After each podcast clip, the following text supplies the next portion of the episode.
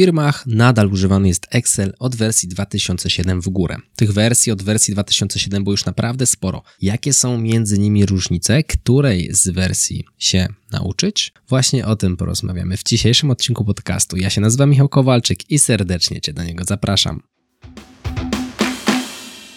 Wersje, które obecnie są używane w biznesie to wersja 2007, 10, 13, 16, 19, 21 i wersja 365, czyli model abonamentowy regularnie zmieniająca się w czasie. Oprócz tego dochodzi jeszcze kwestia języka.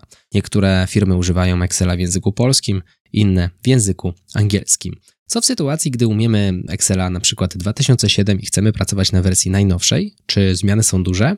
Właśnie o tym chciałbym tutaj dzisiaj porozmawiać. Przygotowałem dla Ciebie listę najistotniejszych zmian, które miały miejsce w kolejnych wersjach Excela. Zanim Ci je przedstawię w podziale na wersje, kilka słów wstępu. Otóż Excel stara się cały czas być kompatybilny wstecznie, czyli jeżeli tworzysz jakiś plik na wersji 2007, będzie ona oczywiście możliwa do włączenia na nowszych Excelach. I w drugą stronę tak samo. Jaka jest zatem różnica? Różnica polega na tym, że znając wersję 365, czy najnowszą w momencie, gdy nagrywam ten odcinek 2021, są w niej opcje takie jak na przykład zakresy rozsypane, z których nie skorzystasz w starszych wersjach.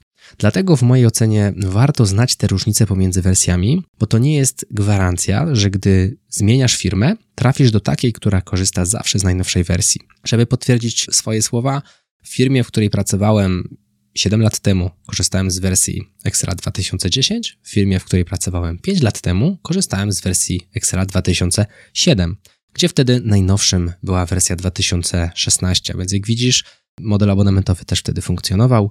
Więc nie ma tutaj gwarancji. Dobrze znać te różnice. Jeżeli pracujemy w programie Excel, nigdy nie wiadomo na co trafimy. Tyle słowem wstępu. Zacznijmy zatem od najważniejszych informacji. Dlaczego akurat wersja 2007? Dlaczego nie powiedziałem nic o wersji starszej? Dlatego, że w wersji 2007 pojawiła się bardzo istotna zmiana. Otóż arkusz Excela zdecydowanie urósł w liczbę wierszy. Co mam na myśli? Liczba dostępnych wierszy w pliku wzrosła z około 65 tysięcy wierszy i 256 kolumn do wersji 2007 lekko ponad miliona wierszy w jednym arkuszu i 16,4 tysiąca kolumn. A więc ten arkusz jest naprawdę, naprawdę duży, bardziej dostosowany do możliwości i do potrzeb biznesu, który robi się już po roku 2007 no i już powoli tych e, znowu komórek zaczyna brakować w niektórych firmach, ale to już zostawmy. Dlatego wersja 2007 jest najczęściej ostatnią, taką najstarszą, nadal używaną, właśnie ze względu na rozmiar. Wersja 2010 przyniosła nam tutaj kilka zmian. Przetłumaczone zostały pozostałe funkcje, bo na przykład takie funkcje jak dni robocze, funkcja zaokrągli czy funkcje dni tygodnia w wersji Excela 2007 muszą być wpisywane w wersji angielskiej, mimo że mamy ustawioną wersję polską. W wersji 2010 już działają normalnie, tak jakby, no możemy je wpisywać po polsku. Zostało dodane pole wyszukiwania filtra, więc jeżeli rozwiniesz filtr, już nie musisz tam wybierać filtru się na zawiera, co miało miejsce w wersji 2007, tylko możesz po prostu sobie wpisać ciąg tekstowy, który Cię interesuje i już te informacje pojawią się w filtrze. W wersji 2010 można już doinstalować dodane nieco później do Excela dodatki Power Query, i w niektórych wersjach Excela 2010 również Power Pivot, czyli coś, co otwiera zupełnie nowe możliwości pobierania danych. Takie rzeczy można doinstalować do Excela 2010.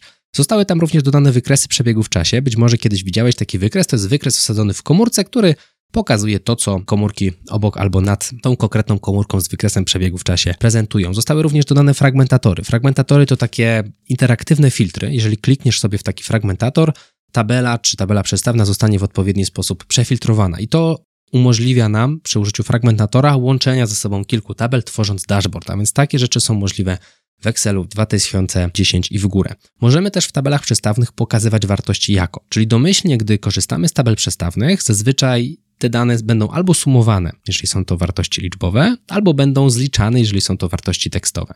W Excelu 2010 została dodana opcja pokaż wartości jako, czyli gdybyśmy chcieli w tabeli przestawnej nasze sumy pokazać jako na przykład sumy bieżące, czyli kumulatywnie rosnące, to faktycznie taka opcja jest. Wystarczy kliknąć prawym przyciskiem myszy na konkretną daną i wybrać sobie opcję pokaż dane jako. Sprawdź koniecznie, jeżeli będziesz patrzył na Excela. No i oczywiście można się filtrować na wykresie przestawnym, a więc jeżeli na tabeli przestawnej zbudujemy wykres, będzie można się na nim filtrować. Ta opcja została dodana w wersji 2010. Wersja 2013 dostała usprawnienie graficzne, w sensie wygląda ta wersja już tak trochę bardziej futurystycznie.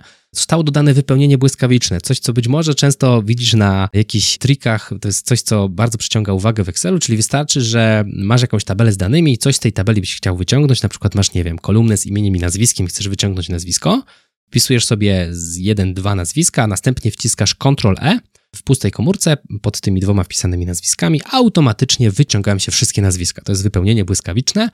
Fenomenalna swoją drogą rzecz. Zostały dodany guzik rekomendowane wykresy, aby po prostu łatwiej można było sobie dobrać wykres do danych.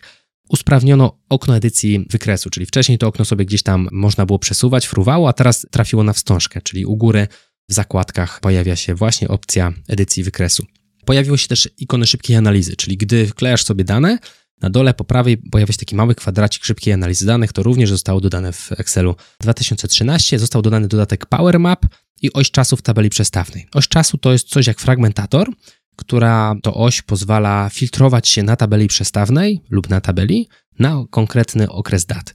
Więc też fajna rzecz. Taki fragmentator na sterydach w wersji 2013 jak najbardziej się pojawił. No i jest też możliwość korzystania z więcej niż jednego włączonego pliku, czyli mamy sytuację, w której mamy jedno okno i jeden plik, a więc można w Excelu 2013 łatwiej pracować na wielu monitorach. To też jest usprawnienie dodane w 2013 roku. W 2016 roku Power Query i Power Pivot stały się wbudowanymi częściami tego programu, czyli nie trzeba do wersji 2016 nic doinstalowywać, po prostu od wersji 2016 każdy następny Excel ma w sobie już wbudowane Power Query i Power Pivot. Żadnych dodatkowych kroków nie musimy dodawać.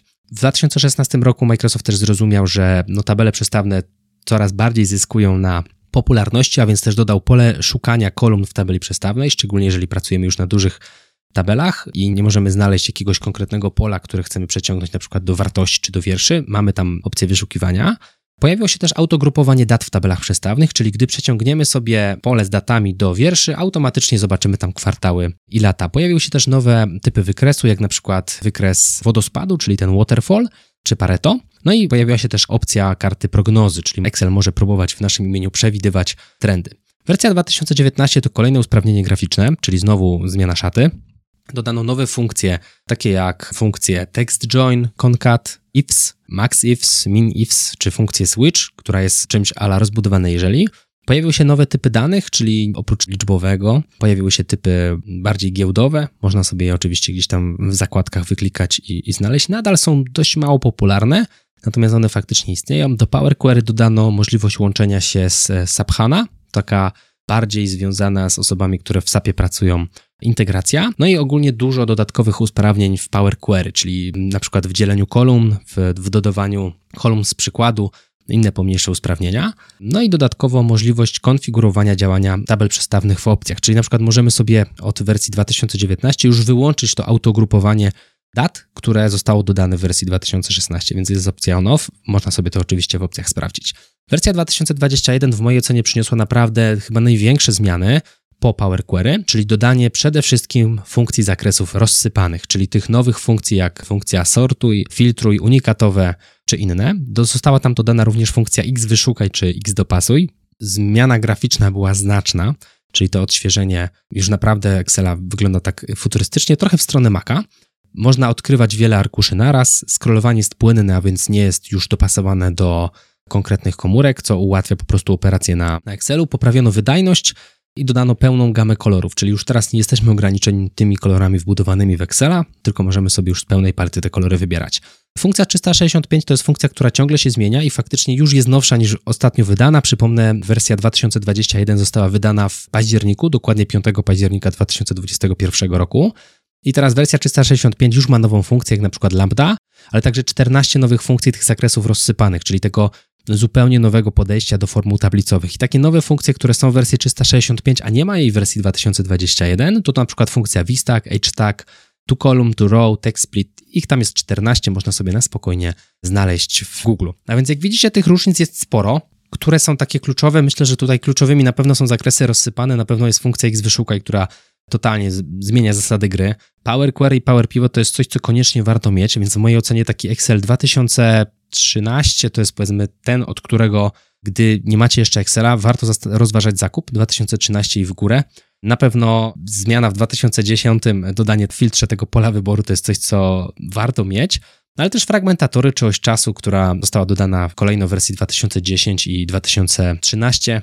Coś, co też fajnie działa, to autogrupowanie dat w wersji 2016. Gdybym dziś miał kupować Excela i ktoś mnie się zapytał, który najwcześniejszy możliwy Excel jest wart zakupu, powiedziałbym 2013, a gdyby ktoś miał trochę więcej grosza przy duszy, to powiedziałbym, że tak chociaż 2016, żeby mieć, nie? To jest już taki naprawdę dojrzały Excel. I teraz w przypadku, gdy uczymy się takich funkcji jak wyszukaj pionowo, jakichś funkcji jeżeli, nie wiem, licz jeżeli, suma warunków i tak dalej, czy podstaw tabel przestawnych, te funkcje działają tak samo od wersji 2007, więc tutaj nie ma jakiegoś problemu z kompatybilnością wsteczną.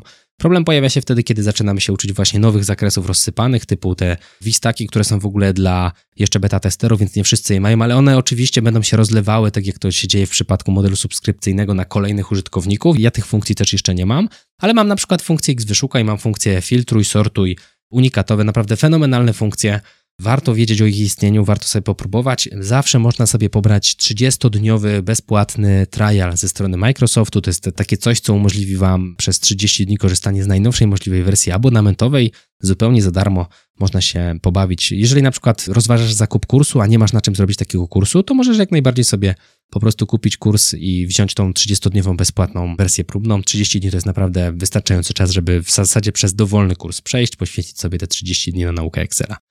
A więc to tyle z mojej strony. Jeżeli chcesz nauczyć się Excela, jeżeli chcesz tak zrobić, wejdź na stronę www.naukaexcela.pl.